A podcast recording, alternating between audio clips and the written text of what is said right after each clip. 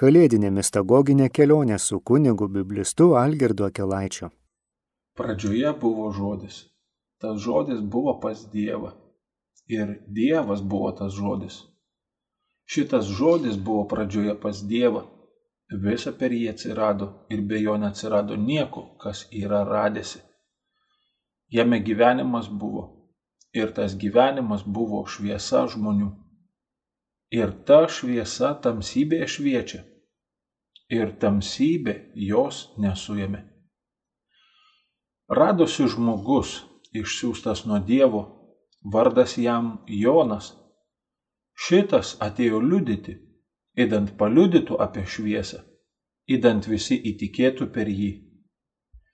Ne buvo anas šviesa, tačiau įdant paliudytų apie šviesą buvo šviesa tikroji, kuri apšviečia kiekvieną žmogų ateinantį į pasaulį. Pasaulyje buvo ir pasaulis per jį atsirado ir pasaulis jo nepažino. Į tai, kas savo atėjo ir savieji jo nepriėmė.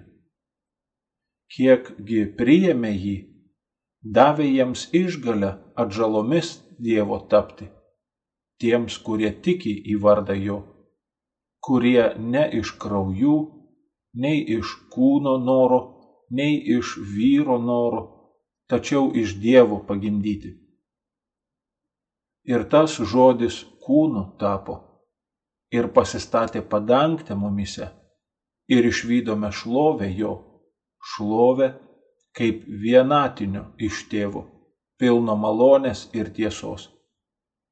Jonas liudyja apie jį ir yra sušukęs, sakydamas, šitas buvo, apie kurį pasakiau, paskui mane ateinantis prieš mane yra radęsis, kadangi pirmiau manęs buvo. Kadangi iš pilnatvės jo mes visi priėmėme malonę vietoj malonės, kadangi įstatymas per mozę duotas, o malonė ir tiesagi per Jėzų Kristų radosi. Dievogi niekas nėra matęs niekada. Viengimis, Dievas, tėvo prieglopstyje esantis, Anas pilnai išaiškino. Šiandien antrasis kalėdų laiko sekmadienis, e, todėl šitą na, iškilmę pagal savo statusą nuneša e, Jėzaus vardo minėjimą kuris tiesiog yra praleidžiamas, todėl kad jį nugali stipresnė liturginė na, šventė, iškilmė. Jėzaus vardo na, šventimo data šito laiku jinai yra susijusi su Evangelija, kadangi Evangelijose, vat, vaikystės Jėzaus Evangelijose, Jėzui yra suteikiamas vardas, tai, na, va, taip nusistovėjo bažnyčiui katalikų, kad trečią sausio dieną yra minimas Jėzaus vardo na, va, paminėjimas. Aišku, tas Jėzaus vardas, kuris reiškia Jahve gelbsti, na, jisai be jokios abejonės yra tarsi viso Jėzaus veikimo, jo viešosios tarnystės esmė. Tarsi visa tai apima šitas Jėzaus, na, vat, Jahve gelbsti vardas ir visą tai netgi ir interpretuoja. Ir todėl gal mes tiesiog, kai Evangelija aiškinamės, mėginame į ją gilintis, atpažįstame Jėzaus veikimą, tai visuomet tarsi ir sugrįžtam prie to Jėzaus vardo, kuris išreiškia jo kaip išgelbėtojo misiją. Kadangi šiandien Evangelija iš tiesų kartojasi, taip jau Jonui gražiai išpuola, kad ir septintąją dieną ir kartu dešimtąją dieną Kalėdų mes skaitome šitą Evangeliją, jau antrą kartą grįžtame prie jos, tai aš siūlyčiau šiandien trupučiuką eiti kitų kelių. Jūs galite susirasti aną komentarą, kur mes šiek tiek plačiau aptarinėjame visą šį taip vadinamą Jono prologą. Bet šiandien aš siūlyčiau jums staptelėti šiek tiek ilgiau prie pirmoj, pirmosios ir antrosios strofos. Žodžiu, reiškia pirmų penkių eilučių Mat pirmo posmelio ir antro posmelio šitam himne. Tiesiog na, visuomet tokie pasikartojimai liturgijoje tai yra gera proga arba kitų kampų, arba netgi giliau pasižiūrėti į kurią nors mažesnę tos ar kitos Evangelijos ištraukos dalį. Ir jeigu pradėtumėm nuo pirmosios strofos, nuo pirmo posmelio šito himno, tai aišku, ta garsioji ištara Jono pasirinkta, kad pradžioje buvo žodis. Tai vėl šitas žodis, graikiškai logos, jisai žymiai daug daugiau negu vien tik tai ištara. Aišku, mes prisiminame, kad pirmam pradžios knygos skyriui pirmasis sakinys irgi prasideda žodžiu pradžioje, taip kaip ir Jono Evangelija pradžioje. E, ir vis dėlto šitas logos jisai žymi, ko gero, daugiau negu vien tik tą Dievo kalbėjimą, kuriant, taip kaip mes randam pirmajam sukūrimo pasakojime aprašytą. Šitas logos, kitaip negu va, ten filosofų logos, ano meto helenistų filosofų. Jisai yra asmuo. Jono Evangelijoje šitas logos yra asmuo, kuris tampa kūnu. Ir tai aišku, mes čia tą galim pasakyti tiesiog vienu sakiniu, bet tai yra toksai teologinis ir kartu egzistencinis lepinys, kad mums, na, tam reikia tiesiog viso mūsų gyvenimo. Ir bažnyčia po šiai dienai, va jau 2000 mečiai, jinai vis grįžta prie šito slėpinio, po to nusistovėjus liturginiam kalendoriui, tai per kiekvienas kalėdas net privalo grįžti pagal liturginę tvarką. Ir vis dėlto mes tikrai negalėtumėm pasakyti, kad jau esame tarsi išsėmę šitos, na, vat, Jono išvalgos, kaip jisai sukala šitą teologinį tokį, na, tiesiog manifestą. Ne, kad šitas logos, kuris yra asmuo, jisai tapo kūnu. Ir čia vėlgi mes tikrai, ko gero, turėtumėm sakyti, kad čia ne tiek nuoroda į kūrimą, vat, kai e, sako evangelistas Jonas, kad pradžioje buvo žodis. Tai čia ko gero ne tiek yra nuoroda į tą sukūrimą, apie kurį kalba sukūrimo pasakojimas, kiek įžvalga apie amžinąjį šito žodžio buvimą. Čia tas būtasis laikas buvo, jisai neturėtų mūsų na, kažkaip jaudinti. Čia tikrai ne tokia, na, tarsi čia ne chronologinė yra nuoroda, kad vat, buvo, tai reiškia kažkada nebuvo, arba kad jo dabar nėra, jeigu jis tenai buvo. Čia gali būti, kad net ir vat, su hebrajų kalba yra trupučiuką tokia sąsaja, kad, kaip jūs žinot, hebrajų kalba, kadangi na, biblinė hebrajų kalba, kadangi jinai yra pasakojimo kalba, joje nėra esamojo laiko formų, ir, na, va, tenai tas būtasis laikas, jis yra labai platus iš tikrųjų. Ir todėl čia turbūt mes tikrai galim sakyti, kad Jonas čia kalba apie amžinąjį žodžio buvimą, kuris pranoksta netgi kūrimo įvykį. Nes jeigu čia kalbėtumėm tik apie kūrimą, tai tada galėtumėm sakyti, na, vad, kol Dievas tarsi, žinai, pasitelkė tą žodį kūrimui, tarsi pasišaukė jį kaip įrankį, Bet čia, ko gero, Jonas kalba apie tai, kad šito žodžio buvimas yra absoliutus. Ta prasme, kad jis nėra sąlygotas jokio poreikio, va taip pat kaip mes kalbame apie Dievo buvimą, kad Dievui nieko nereikia, kad jisai būtų. Jisai yra pats iš savęs. Ir, na, va, taip ir Jonui šitas logos, va, lietuviškai mes turim tą tokią gražią, arhaišką formą esti. Ne, va, žodis yra, Jis labai gražu, kad jis neturi bendraties. Ne, va, tas žodis esti, e, jisai negali būti atsietas nuo paties esančiojo, va, nėra bendraties šitai formai. Ir todėl, man atrodo, na, va, visi tie tokie brangus žodžiai, ten esmė, esatis, jie, na, netgi sakyčiau, teologiškai turbūt gal ir visai reikalingi mūsų žodynui ir šių dienų kalboj. Nes kartais, kai ten mes pradedam šnekėti, pavyzdžiui, kaip sakom ten, kad Dievas vienos prigimties su tėvu sunus yra. Tai nežinau, man atrodo, kad kalbėti apie prigimtį Dievo atžvilgių tai yra, na, tokia trupučiuka nesąmonė. Tarsi Dievas būtų gimęs. Na, silpnai. O vat, sakyti, kad jis yra vien esmis su tėvu, man atrodo, yra žymiai giliau Būtent dėl to, kad mes čia užkabinam tą esmės, esaties, na, vat, tokį aspektą. Tai čia, man atrodo, yra labai na, svarbu, kad šitas žodis jis yra aukščiau laiko, jo buvimas yra amžinas. Ir vis dėlto mes žinome, na, mes jau antrą kartą šitą skaitom himną, mes žinom, kad visas šitas himnas galiausiai jisai atves iki įsikūnijusio žodžio. Visas šitas himnas, tiesą sakant, ir yra skirtas žodžio tapimui kūnu.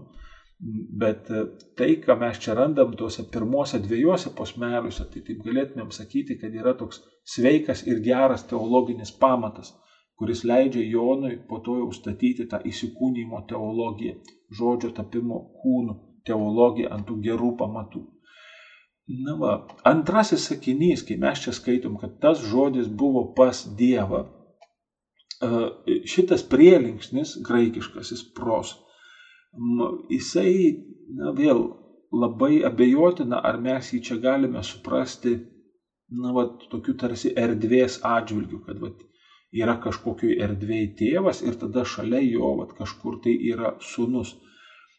Jeigu būtų taip, va, kad jis yra greta tėvo, tai tada greičiausiai būtų pasitelktas graikiškasis prielinksnis para,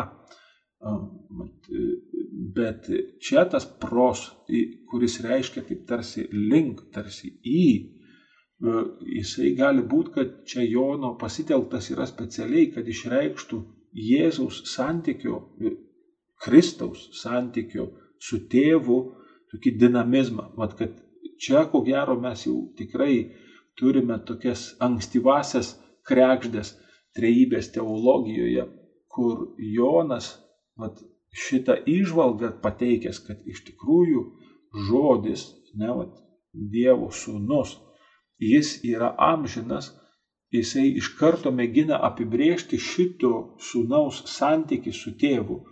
Ir va čia jo tas pasirinkimas, vėlgi, netrodytų toksai mažas žodelytis, va prielinksnis, jisai vis dėlto labai daug ką apsprendžia. Ir čia tas prielinksnis pros, na, va, jisai, man atrodo, tas lietuviškas pas toksai irgi neblogas yra, nes jisai gali irgi reikšti tokią tarsi kryptį, tokį intencionalumą, tarsi, vat, na, tikrai santykių, tokį dinamizmą. Ir va čia vėl e, mes prisimename Jono e, Evangelijos prologo pabaigoje, jau tenai, kad Jonas taip labai gražiai sako, kad šitas žodis netgi ir tuo met, kai jisai įsikūnijo, kai jisai tapo kūnu, vis dėlto jisai yra tas, kuris yra tėvo krūtinėje. Ne, va, tarsi tėvui už ančio, ne, va, čia viduj. Ir va šita vienybė, ne, va, su tėvu, jam trejybėje, Jonui, jam jisai pasitelkė šitą žodelytį pros, šitą pas tėvą. Bet tas pas tėvą yra labai labai intensyvus. Čia ne tai, kad jis užėjęs į svečius pas tėvą, arba kad jisai tarsi, na, vat, pasisukinėjo ten tėvo akivaizdu. Šitas pas tėvą reiškia, kad jis yra neatsiemai susijęs tokiu visiškai vienybei su tėvu. Ir, e, na, vat, ko gero, jeigu mes čia pasižiūrėtumėm į pirmojo Jono laiško, pirmojo skyriaus, pat pirmasis eilutes, tenai į pradžią pirmojo Jono laiško, tai mes pamatytumėm, kad labai gali būti, jog tenai šitas Jono laiškas tam tikrą prasme komentuoja šitą himną, jisai komentuoja šitą Jono Evangelijos prologą ir ten mes matome pirmojo Jono laiško, pirmos skyriaus trečioji lūtė, kad taip kaip šita vienybė su tėvu, tarp vat, šito žodžio ir tėvo, lygiai į tokią pačią vienybę yra pašaukti ir tikintieji į tokią minties ir veikimo vienybę ir artumą su tėvu. Tai čia, man atrodo, tas pas mat, tėvą, jisai draugiai yra labai gilus ir dėl to, kad tai yra ir mūsų galiausiai, na, mat, amžinybės tikslas. Tai, ką Jėzus vėliau jau, ypač ten, na, vat, nuo dešimtojo skyriaus pradedant to, toliau Jono Evangelijoje, kai jisai pradeda kalbėti apie tai, koks yra jo tikslas mūsų atžvilgiu, kad jisai nori, kad mes būtumėme ten, kur jisai, toj tėvo šloviai. Ir trečias sakinys šitos pirmosios eilutės himno, kad Dievas buvo tas žodis. Ko gero mes čia jau randam tokius pirmosius, sakytume, grinosios kristologijos na, teiginius, todėl kad na, mes taip žinom iš bažnyčios teologijos istorijos, kad pirmiausia Jėzaus atpažinimai, mėginimai įvardinti, kas toks yra Jėzus, buvo susijęs su atpažinimais, kas Jėzus yra dėl mūsų. Reiškia, ką Jėzus yra padaręs dėl mūsų, kaip mes atpažįstame jo gelbstinti veikimą. Taip vadinama soteriologija, nuo žodžio soter, išgelbėtojas. Na, va, bet vėlesni žingsniai šitoj, šitam teologiniam svarstymė galiausiai atėjo prie tokių jau kristologinių klausimų. O kas Kristus yra pats savyje? Vat kas jis iš tiesų yra, netgi pranokstant tą jo veikimą ir mėginant klausti apie jo prigimtį, apie jo santykį su tėvu ir taip toliau ir taip toliau. Tai va čia tas pasakymas, kad Dievas buvo tas žodis, ko gero jau yra na, tikrai toks kristologinis teiginys, kristologinė įžvalga. Ir čia mes jau tikrai galim suprast, kad Dievas čia žymi anaip tol ne kažkokią tai funkciją, ne misiją, ne tai, kad tas žodis buvo pašauktas būti Dievu, ar kad jis buvo tarsi sudėvintas, bet kad čia jau yra kalbama apie to žodžio prigimtį, bet prigimti tokią, kuri yra ne tiek suteikta, kiek tiesiog yra vat, to žodžio savastis. Ir vėl, na, tenka telktis tą žodį, va, tokį prigimtis, nors iš tikrųjų, kai mes kalbam apie Dievą, nu, tai nežinau, man ta prigimtis tai kažkaip kliūna kaip terminas. Ir vėlgi, e, jeigu, va, na, pasižiūrėtumėm į antrąją eilutę Jono Evangelijos pirmam skyriui, o jau į ketvirtą sakinį šito himno, šito prologo, tai pamatytumėm, kad ten tarsi yra pakartojama, ne, kad pradžioj buvo pasakyta, ne, pradžioje buvo žodis. Ir dabar, kad antroji lūtė yra pakartojama ir sakoma, šitas pradžioje buvo pas Dievą. Na va, ir dėl to pakartojimo, ne, ir va, kad iš tikrųjų taip šitam pakartojime akcentuojamas tas žodis pradžioje, skaitytojui kyla tokia na, nuojauta, kad čia visas šitas dalykas, kurį mes skaitom, yra tik tai pradžia, kad šitas, šitie pirmieji himnų sakiniai, čia skaitytojas jau užčiuopia tokią ritmiką teksto, kad visa tai tik tai yra pradžia. Ir tada kyla aišku klausimas, jeigu čia yra pradžia, tai ką tada naujo dar gali pasakyti šitas evangelistas apie Dievą? Ar gali būti Dieve kažkas tai, na, tam tikrą prasme naujo, ar gali būti kažkoks tai pokytis tame, ką mes žinome apie Dievą. Ir vat atrodytų, na, toks gal ir net ne visai reikalingas dalykas, bet, na, tie pakartojimai, jie visuomet poezijoje atrodo kaip, na, tam tikra prasme tokie, na, nereikalinga priemonė ir vis dėlto jie visuomet yra labai svarbus, nes jie visuomet pabrėžia tam tikrus žodžius iš karto mums kreipdami mintį kažkuria tai linkme, skaitant tekstą. Na va, ir čia tikrai va šitas buvimas pradžioje, e, kur mes tikrai suprantam, kad čia ta pradžia siekia dar toli prieš kūrimą, mes vėlgi turėtumėm prisiminti, kad Senajame testamente panašiai yra kalbama apie išmintį. Vat išmintis, kuri Senajame testamente netgi kartais yra taip personifikuojama, jinai rodoma irgi kaip asmuo, bet jinai rodoma kaip kūrimo stebėtoja, kad jinai ten dalyvavo, netgi sakoma, kad išminties patarlių, taip pat Koheleto knygose, kad jinai dalyvavo kuriant viską. Na, tam tikra prasme, kad jinai irgi yra tokia kūrėjėlė greta Dievo. Ir vis dėlto mes suprantam puikiai, skaitydami tuos tekstus ir ten tie autoriai aiškiai tą mėgina parodyti, kad tai yra nu, metafora. Žodžiu, kad kalbant apie išmintį, Tai yra tam tikras kalbėjimas perkeltinė prasme. Ir bažnyčios tėvai, ypač rytų bažnyčioje, ta teologija taip gana neblogai susikristalizavo, atsieti Jėzų su ta dieviškąja išmintim. Būtent Jėzus yra ta dieviškoji išmintis.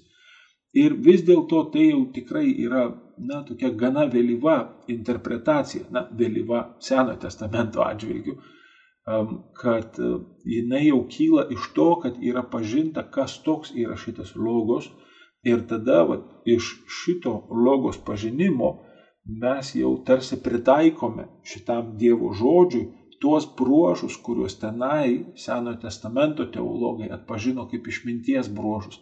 Tai čia toks irgi vaisingas bendradarbiavimas tarsi tarptų tekstų, tarptų teologų, kur vieni teologai parašė labai tokį atvirą tekstą, kuriame telpa net ir tokia kristologinė interpretacija.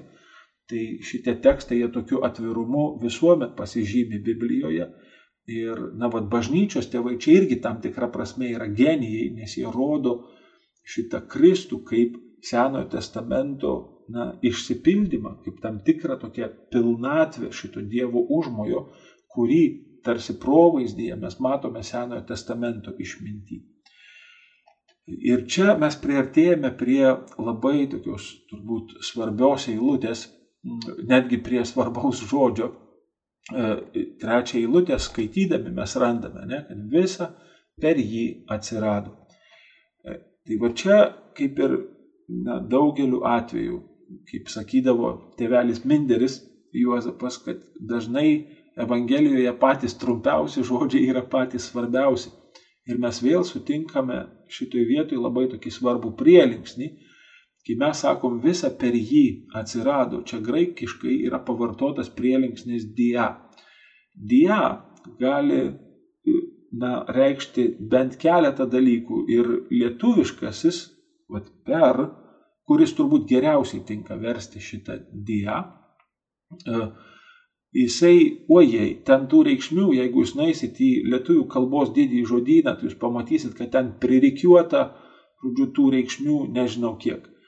E, vėlgi, iš karto siaurinant tarsi šitą paieškos lauką, mėginant suprasti, ką, ką reiškia šitas, kad visa per jį atsirado, kaip čia dabar per jį.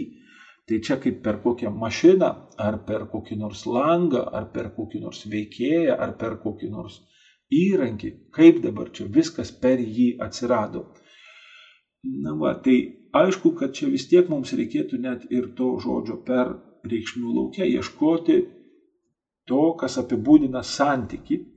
Ir čia, na, va, aš trupučiuką už jūs padariau šiek tiek darbo. Tai kai mes kalbam apie santyki, tai tarsi bent keletas tokių galimybių siūlosi. Kad galima sakyti, jog Jėzus tam tikra prasme yra priežastis, va šitas logos, ne, va, tas Dievo žodis, jis yra priežastis sukūrimo. A, va, taip kaip sakytume ten iliustracija, mirė per daktarus. Ne, va, reiškia, mirė dėl daktarų. Hmm? Arba gali būti, kad tai nurodo būdą. Pavyzdžiui, per stebuklą likau gyvas. Ne, reiškia, kad nu, nutiko stebuklas, stebuklo būdu išlikau gyvas. Arba šitas per gali apibūdinti padėtį arba pareigas užimamas. Pavyzdžiui, iš Evangelijos čia Bitnerio vertime septyni turėjo ją per moterį. Ne, reiškia, kad jinai buvo septynių moterimi. Hmm? Arba gali apibūdinti, kuo žmogus yra laikomas. Pavyzdžiui, nesako, jį, jinai žmogų per šunį laiko. Ne, reiškia, kad jinai žmogų laiko šunimi.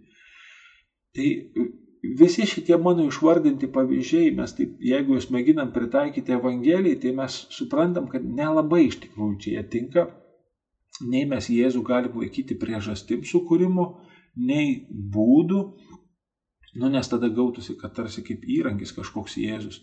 Nei kad jo čia pareiga buvo kažkaip tai, na, Žodžiu, čia tokios nelabai tinkamos reikšmės.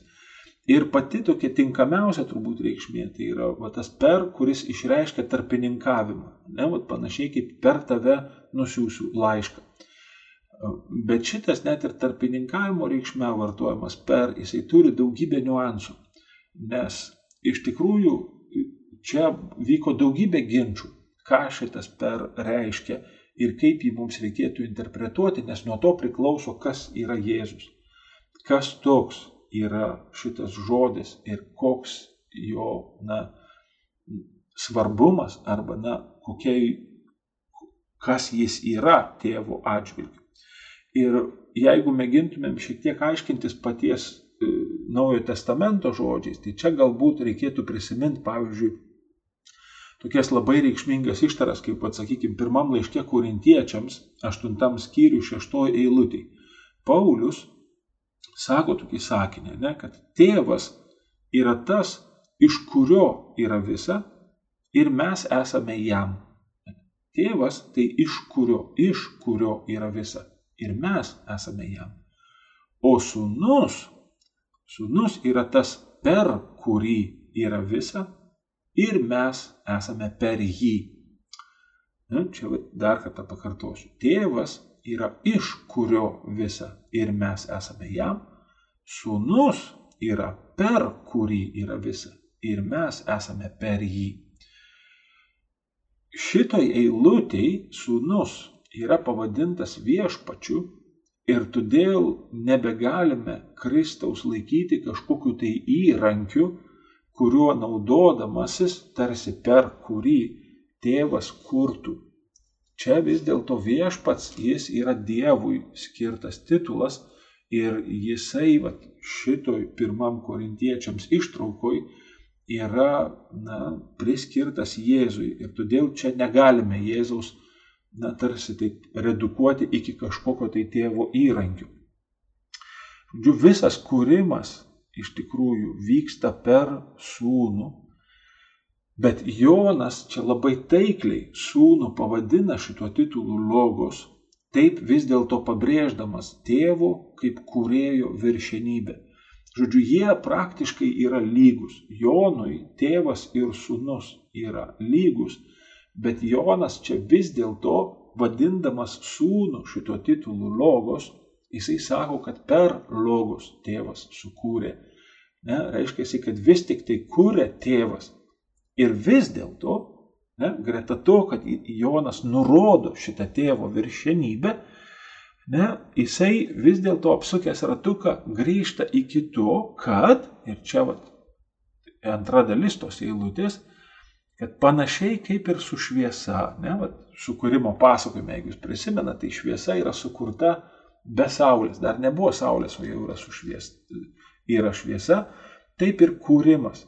Iš tikrųjų sukuria visą. Ne, va, žiūrėkit, kaip sako Jonas šito eilutė. Jisai sako, visa per jį atsirado. Hmm? Ir be jo neatsirado nieko, kas yra radęsis. Žodžiu, čia labai svarbu atkreipti dėmesį, kad čia dar nėra kalbos apie žmogų. Ir gali būti, kad čia vat, irgi tokio gal net platesnio svarstymo klausimas, kaip čia yra su tuo žmogum. Nes žmogus atsiranda tik tai kitoj eilutėje, va ten, kur jau yra prabylama apie šviesą, kuri buvo žmonių šviesa. Čia, man atrodo, irgi vertėtų padaryti tokį trupučiuką ekskursiuką. Panašiai taip, kaip kurime mes matome, kad yra šviesa, kuriai nereikia saulės, Lygiai taip pat gali būti, kad Jonas rodo, kad anaip tol ne žmogus yra kūrinijos centras, ne žmogus yra kūrinijų ir jis be galo yra svarbus. Ir vis dėlto per žodį yra padaryta visa. Ne? O jau žmogus paminėtas tik tai po to. Ir čia gali būti, kad Jonas va šituo visuotinamu mėgina pabrėžti, taip mes galėtumėm tokią paralelę išvesti, kad taip kaip atpirkime tik Jėzus yra išgelbėtojas, taip kūrime tik iš Jėzaus yra buvimas, tik per Jėzų, jeigu taip jau naudotume Jono, e, na, va, tą prielinksnį diją. Taip kaip atpirkime tik Jėzus yra išgelbėtojas, taip kūrime tik per Jėzų yra buvimas. Vat šią prasme mes turbūt priartėjame prie to per intensyvumo, kad visa per jį yra padaryta. Ir tikrai šitos eilutės tai yra toks ankstyvosios teologijos mūšio laukas. Čia daugybė anuometinių na, filosofų, teologų mėgino svarstyti ir tokių klaidų ir pataikymo tarsi būdu daugybė klausimų čia yra persvarstyti kad vis dėlto šitas logos tai nėra kokia nors ten Dievo emanacija. Na, vat emanacija tai reiškia toksai tarsi raiškos būdas, kur Dievas savo dieviškumą parodo ir tuo dieviškumu veikia vat, kūrinyjoje. Taip pat e, šitas logos nėra kokia nors ten Dievo kūrenčio veiksmo metafora, kad, vat, na, maždaug pavadinkime kažkokiu tai žodžiu, kaip simboliu šitą Dievo kūrentį veiksmą ir pasakykim, kad vat, jisai kūrė per šitą logos. Taip pat čia šitas logos nėra filosofinė vat, forma, ne, pagal kurią, vat, į kurią pasižiūrėjęs Dievas kūrė visą kūrinyje, tarsi jisai sūnų turi kaip kažkokį tai kūrinijos provaizdį ir tada taip filosofiškai pagal tą formą, pagal tą sūnų kūrė kūrinyje. Šitas logos sūnus yra Dievas ir todėl jisai negali taip pat būti laikomas kokią nors tarpinę ar dar netobulą būseną. Jis yra asmuo ir todėl jisai negali būti redukuotas iki kokios nors filosofinės ar teologinės idėjos lygmens. Jis yra asmuo, jis yra Dievas. Ir todėl vat, šita teologija, jinai tam tikrą prasme, na, vat, provokuoja tokį svarstymą. Ir kita vertus, visas Naujojo Testamento korpusas, tarsi vat, visuma tos teologijos, jinai galiausiai leidžia šitos svarstymus na, pakankamai giliai tarsi nuleisti į tą gelmę šito slėpinio, nes vat, net tais pirmaisiais amžiais stulbinanti na, tarsi paletė nuomonių apie tai, kas yra Jėzus, kaip mes turėtumėm interpretuoti tai, kad Jėzus yra Kristus. Tų svarstymų tenai buvo dešimtis, jeigu ne šimtai.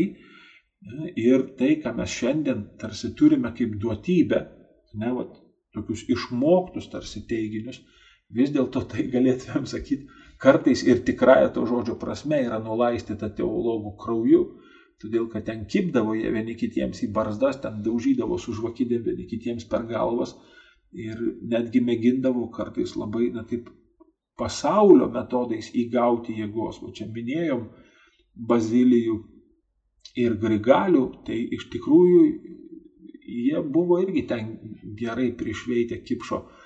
Na, aš čia taip irgi juokaudamas trupučiuką sakau, bet tas galinėjimasis, kurio išvalga nugalės ir kurio ta išvalga yra teisingesnė, tenai buvo tiesiog, ten buvo aršios kovos. Bet Jonui, va, tai yra tam tikras pamatas. Jis tik tai šitą pamatą paklojęs, va, tą pirmąjį posmelį sudėjęs, va, tą teologiją, kurioje jisai daugiau mažiau taip saugiai apibrėžia kad šitas žodis jisai pranoksta kūrimą, kad šitas žodis pranoksta tą įrankio tikrovę ar bet kokius tarsi mėginimus priskirti Jėzui kažkokią tai tarsi filosofinę tenai kategoriją, o dabar jisai gali atsispirti ir žengti į šito žodžio santykį su žmonėmis, kai jau jisai tarsi vat, na, pamėgino apibūdinti šito žodžio santykį su tėvu. Tai antroji šito himno strofa kuri jau kalba apie žodžio santykių su žmonija, prasideda nuo to, kad logos yra ypatingo gyvenimo teikėjas. Gyvenimo, kuris yra žmonių šviesa. Čia vėl mes turėtumėm nepamiršti, kiek svarbi yra šviesa viso Jono Evangelijoje ir netgi šitam prologe Jėzus yra iškart pristatomas devintoji lūtė, kad jis yra tikroji šviesa tenais lyginama su Jonu Krikštytoju, ne? Ir šitas autorius Jono Evangelijos prologų, jisai sako, Jonas Krikštytojas nebuvo šviesa, jisai turėjo liudyti apie šviesą, o buvo tikroji šviesa.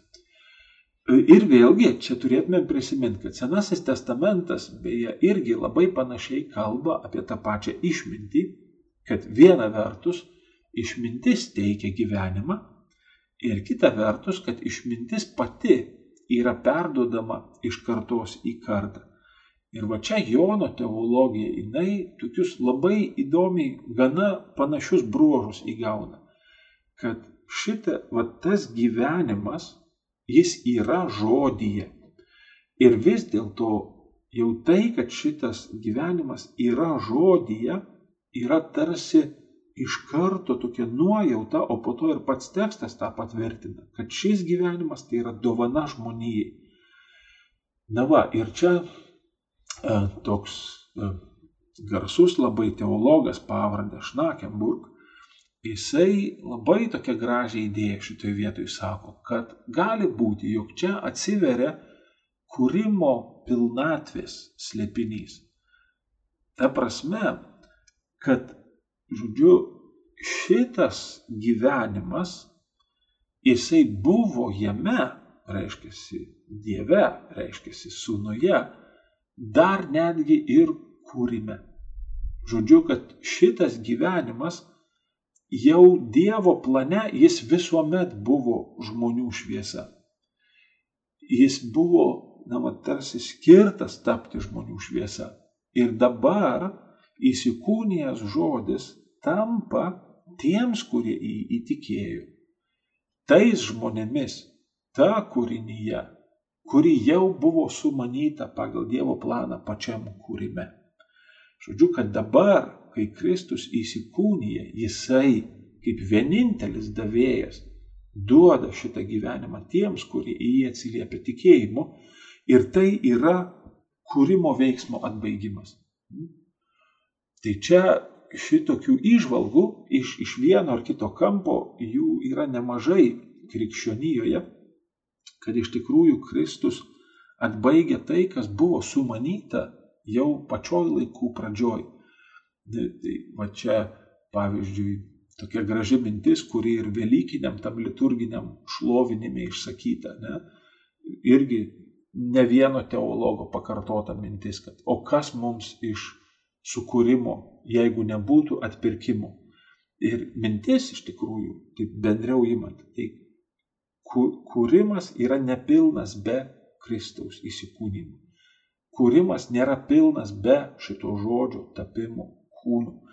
Ir va čia jau Jono Evangelijos prologe mes, na, bent jau pagal Šnakenburgo nuomonę, tai mes jau čia užčiuopiame šitam pasakymę, ne, kad, buvo, šitas gyvenimas buvo žmonių šviesa ir jeigu mes tą buvo skaitome su panašiu intensyvumu ir gyliu, taip kaip vat, pradžioje buvo žodis, Tai jisai sako, kad jau čia mes kalbam apie kūrimo ne, įvykį ir kad jau tenai buvo numatyta, kad šitas gyvenimas taps žmonių šviesa ir dabar tai įvyksta Jėzuje, žodžiui tapus kūnu.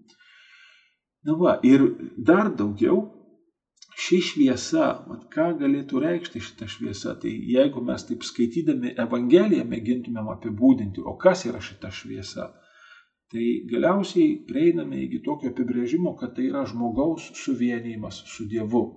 O tas gyvenimas, kuris yra žmonių šviesa, tai galiausiai yra tokia vienybė su Dievu, kokioj vienybėj su Dievu yra Jėzus.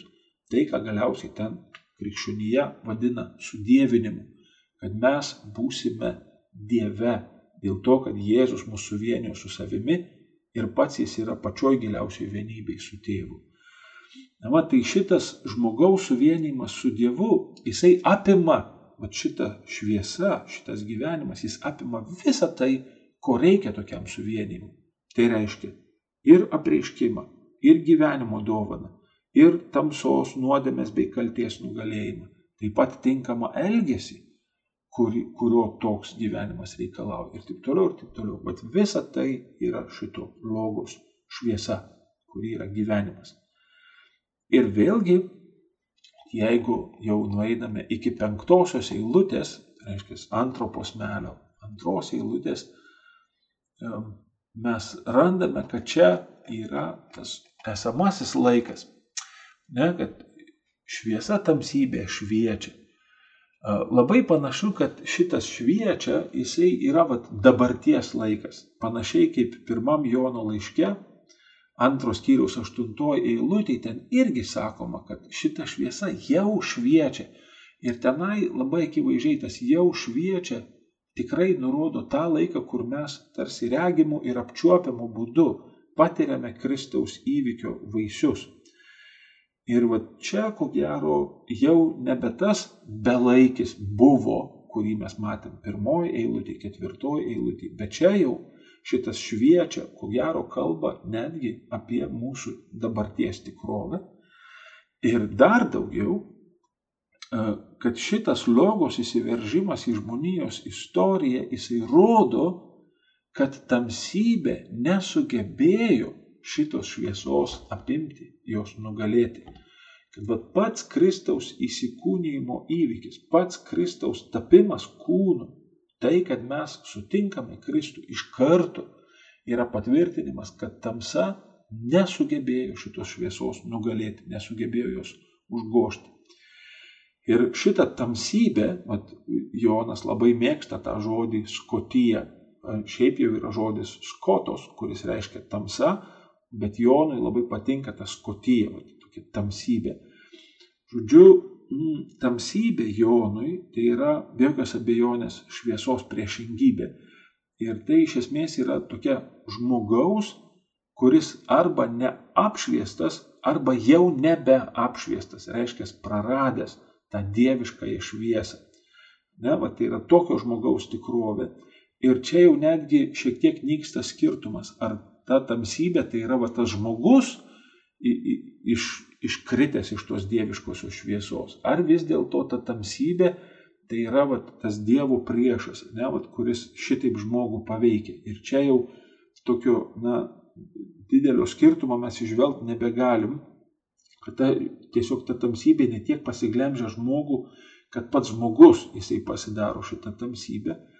Ir Jonui tai yra galiausiai tokia netikėjimo tikrovė, kurioje iš tikrųjų nebeįmanoma nieko atpažinti apie Dievą, nes tik tai tie Dievą atpažįsta Jono Evangelijoje, kurie į Jėzaus, į Kristaus įvykį atsiliepia tikėjimo klusnumu.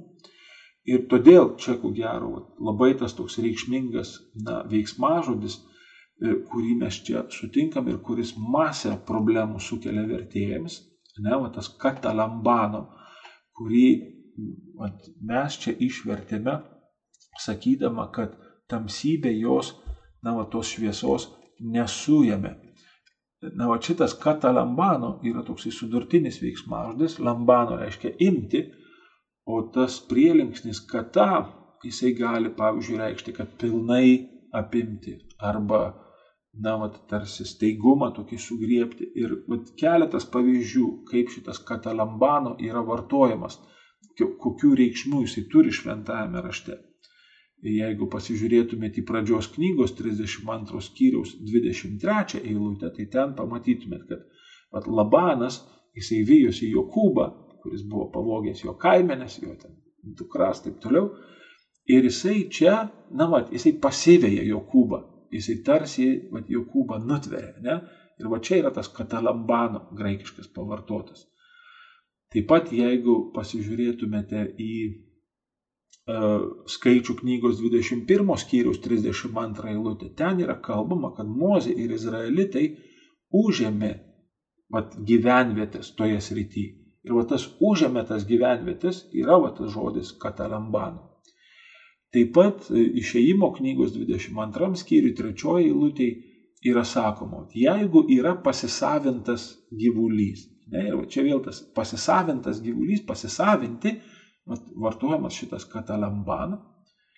Ir dar, dar net intensyviau tas pasisavinimas gali būti vartojamas, tai jeigu pasižiūrėtumėte į Morkaus Evangelijos 9 skyrius 18 eilutę, tai mes ten randame tą įvykį, kur tėvas atvedė savo sūnų ir sako, mata nebilė dvasia kartais padaro mano sūnui tą katalambano veiksmą.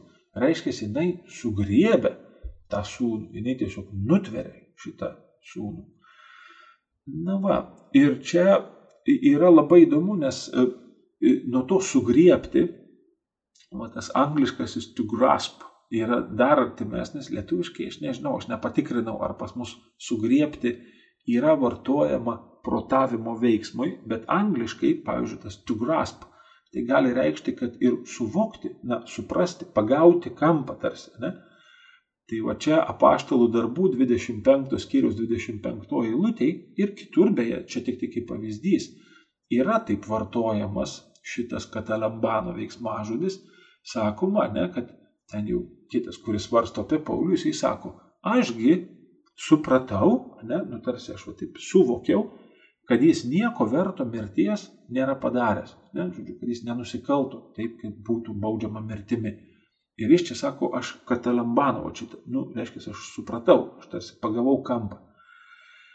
Na, va, tai čia apžiūrėjus šiek tiek lietuviškusius vertimus, mes irgi matome, kad mūsų vertėjai, kurie lietuviškai vertė Naująjį Testamentą, jie irgi trupučiuką sviruoja. Čia tokia vieta, kur tu gali matyti, kuriai mokyklai, kuriai interpretacijos krypčiai priklauso vertėjas. Tai vad Skvireckas, Gedraitis ir Bitneris, jie sako, šita tamsa neapėmė šviesos. Jurėnas ir Kvantas sako, šita tamsa nesuvokė šviesos arba, taip Kvantas sako, nepermanė šitos šviesos. Nu, Kavaliauskas ir po to burbulio vertime irgi yra vartojama žodis neužgožė. Hmm? Na, va, tai čia taip gali atrodyti, kad čia tokie tušti svarstymai, kam čia to reikia. Iš tikrųjų, nuo šito veiksmažodžio interpretacijos labai priklauso teologija šito sakinio ir aš pabandysiu jums tą parodyti. Um, šiaip jau pats tas apėmimas, jisai reiškia, na, vat, apimti, jeigu interpretuotumėm tai, tai jis čia reikštų, reiškia, apriepti valia ir protu. Ne, ir jeigu čia kalbama yra apie žmogaus veiksmą, ne, jeigu čia mes tamsybę interpretuojame kaip žmogų, ne, vat, tamsybė tai reiškia, va, tas žmogus, kuris priklauso tamsai, tada gautųsi, kad na, va, tas tamsybės žmogus, jisai tarsi nepajėgia apimti, nepajėgia suvokti šitos šviesos. Ir tada tai gautųsi, kad šitas sakinys ragina į šitą malonę tikėjimo atsiliepti klusnumu.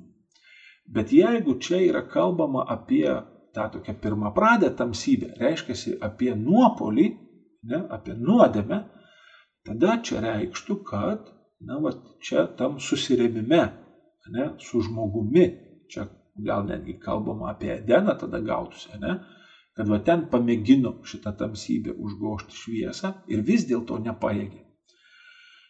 Na vat, iš tikrųjų Origenas ar ne pirmasis buvo iš krikščionių ir moderniųjų egzegetų tarpe dabar vyraujanti tokia yra nuomonė, kad vis dėlto mes turėtumėm šitą interpretuoti tuo veiksmažodžiu užgošti ir kalbėti čia apie tą vat, mėginimą, ne, kad vat, Dievo priešas ne, sukilo prieš Dievą, mėgindamas užgneušti pačioj žmonijos aušroj ne, va šitą besiskleidžiantį Dievo planą, ne, kad vis dėlto turėtume versti užgošti ir svarstyti apie nuodėmę. Bet panašiai ir čia argumentas šito egzegetų, kad Jono aštuntam skyriui yra taip vartojamas šitas veiksmažodis, ten va, tie, kur nutvėrė, ne, ten katalambano irgi jie nutvėrė tą moterį svetimaujančią. Ir taip pat Jono 12 skyriui, kai Jonas kalba, ne, kad kol yra šviesu, tai va, galima veikti, o žiūrėkite, nes jūs užklups tamsa, ne jūs tarsi va, pasivys tamsa, tarsi perims, užgošius tamsa. Ir tai viskas, šitie trys kartai, kur Jonas vartoja šitą katalambano ir šitie egzegetai sako, jeigu Jonas vartoja jūs nusekliai, tai reiškia, kad kaip ir ten, vat, nutverti, užklupti, taip ir čia tada turėtų būti nutverti arba užklupti. Bet kiti egzegetai sako, kad artimesniam kontekste Jonas čia šitam prologe irgi vartoja panašių konstrukcijų veiksmažodžius ir tenai tie veiksmažodžiai yra vartojami ne metaforos prasme, nes iš tikrųjų, jeigu čia vartotumėm kaip užgošti, ne, tą nuodėmės atžvilgių, tai reiškia, čia būtų metafora. O Jonas neduoda tarsi ženklų, kad iš čia kalba kaip, na, kaip apie simbolį, kaip apie metaforą. Ir todėl va, tie egzegetai, jų na, mažesnė dalis yra, jie sako, kad čia tiesiog yra kalbama apie žmogų, kuris yra ta tamsybė, arba apie žmogų, kuris yra toje tamsybėje, kad jis tiesiog negali suvokti šitos šviesos, arba kad jis jos negali savo jėgomis pagriepti. Žodžiu, abiem atvejais teologija gaunasi be galo stipri. Žiūrėkite. Jeigu čia kalbam apie nuopolį, tai tada kokia čia yra stipri tokia tiesiog proto evangelinė įžvalga. Ten, pradžios knygos trečiam skyriui, kur mums atrodė, kad sulūžo viskas tarp Dievo ir žmogaus, ne, kad tenai žmogus tiesiog na, sukėlė maištą prieš Dievą. Vis dėlto pagal šitą Jono interpretaciją gautųsi, kad nepaisant nuopolio šviesa nebuvo nugalėta. Ir čia, man atrodo, tas galioja net tada ir mūsų nuodėmės situacijoms. Tai reiškia, net ir čia, kai aš nupuolu, vis dėlto šviesa nėra nugalėta. Ir čia vat, katalikų bažnyčios, na, va, tokia labai irgi, sakyčiau, na, labai svarbi tokia na, tezė, kad taip, nuopolyje ten labai daug kas sulūžo tarp Dievo ir žmogaus, bet vis dėlto žmogaus prigimtis iki galo jinai nebuvo sunaikinta, jinai buvo stipriai pažeista, bet nesunaikinta ir nesulaužyta iki galo. Ir kita vertus, jeigu mes čia interpretuojame, kad tai kalba apie žmogų, tada irgi tai yra labai svarbus teologinis teiginys, nes tada tai yra rimtas perspėjimas, kad žmogus, na, negali pats susigalvoti savo tikėjimą. Tai yra rimtas perspėjimas prieš tokią pagundą. Susikurti savo, iš savęs, taip tarsi būti tokiu autoriu savo tikėjimu. Ko mes beje šiandien tai labai daug girdim. Kad žmonės sako, nu aš savaip tikiu į Dievą, žinai, aš va čia savaip čia susigalvojau. Nes nepaisant to patogumo, iš tikrųjų, na, toks tikėjimas tai yra tiesiog tamsybės negebėjimas atsiverti tikėjimo maloniai. Tam tikėjimui, kuris yra labai konkretus, jis yra padovanotas Kristaus. Ir šito tikėjimo neįmanoma sukurti. Jis yra malonė, jis yra iš Dievo. Ir jokiais surogatais, jokiais padirbiniais žmogus šito tikėjimo nesugebės suklastoti. Ir čia vėl man, man tokia mintis vat, kyla, kad iš tikrųjų, ko gero, net ir šių dienų pasaulyje to įkvėpimo tikėjimui, tarsi va, tos malonės atvertos, jos yra žymiai daugiau, negu mes užčiuopiame. Tik tai labai dažnai, kaip ir mes, taip ir kiti žmonės, mes labai dažnai išsigastam šito kvietimo tikėjimui, ypač tada, kai jau ten staiga, na, paaiškėja, kad vis tiek tas tikėjimas jisai pasiekia tą aukos dvasioje apsisprendimą ne už savo kažkokias tai ambicijas, bet apsispręsti sekti Kristumi iki galo. Na va, tai Jonui šitas šviesos ir tamsos kontrastas yra tokia tikrai va, Dievo ir jo priešo akistata, toksai tarsi mūšis. Ir tai eina per visą Jono Evangeliją, šitą va, na, prieštarą nesutaikoma tarp šviesos ir tamsos. Ir aišku, jinai drauge apima ir mums kaip bažnyčiai tokia būtinybė skelbti išgelbėjimą, netgi tokiu paprastu būdu, kaip patiems apsisprendžiant elgtis pagal tikėjimą, ne, ne, neslapstant savo tikėjimų, bet apsisprendžiant pagal jį elgtis. Tai čia irgi, pavyzdžiui, aš nekartą kažkaip, na, pradžioje tai aš nelabai kreipdavau dėmesį į tai, kad žmonės, sakykime, net ir per išpažinti tą sakydavo, kad na, mat, aš neliudiju viešai savo tikėjimu, aš kartais varžausi elgtis kaip krikščionis.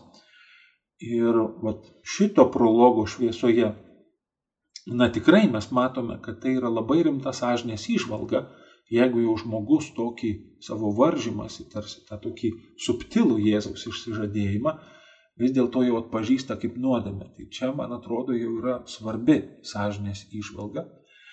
Kita vertus, aišku, na, vat, greta tos nedidėliotinos užduoties rūpintis žmonių tikėjimui, o nepalikti jo tarsi tokiai savieigai, na, tikrai mes galim atpažinti tai ir kaip tokį, na, labai kilnų bažnyčios pašaukimą, kad būtent bažnyčia ir yra ta išrinktoji Kristaus bendražygė, kad tai ir yra mūsų vieta.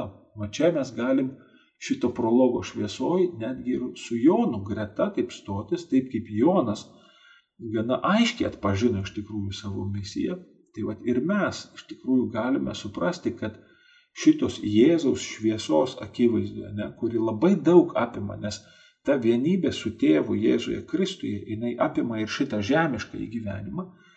Ir va čia bažnyčia, jinai yra ta ir Jėzaus, ir žmonijos bendražygė bet jinai yra ta Jėzaus išrinktoji, kuriai Jėzus suteikė ir malonę, ir iš tikrųjų privilegiją būti tikėjimo skelbėja ir saugotoja. Garbė Jėzui Kristui. Kalėdinėje mistagoginėje kelionėje buvome kartu su kunigu biblistu Algirdu Akelaičiu.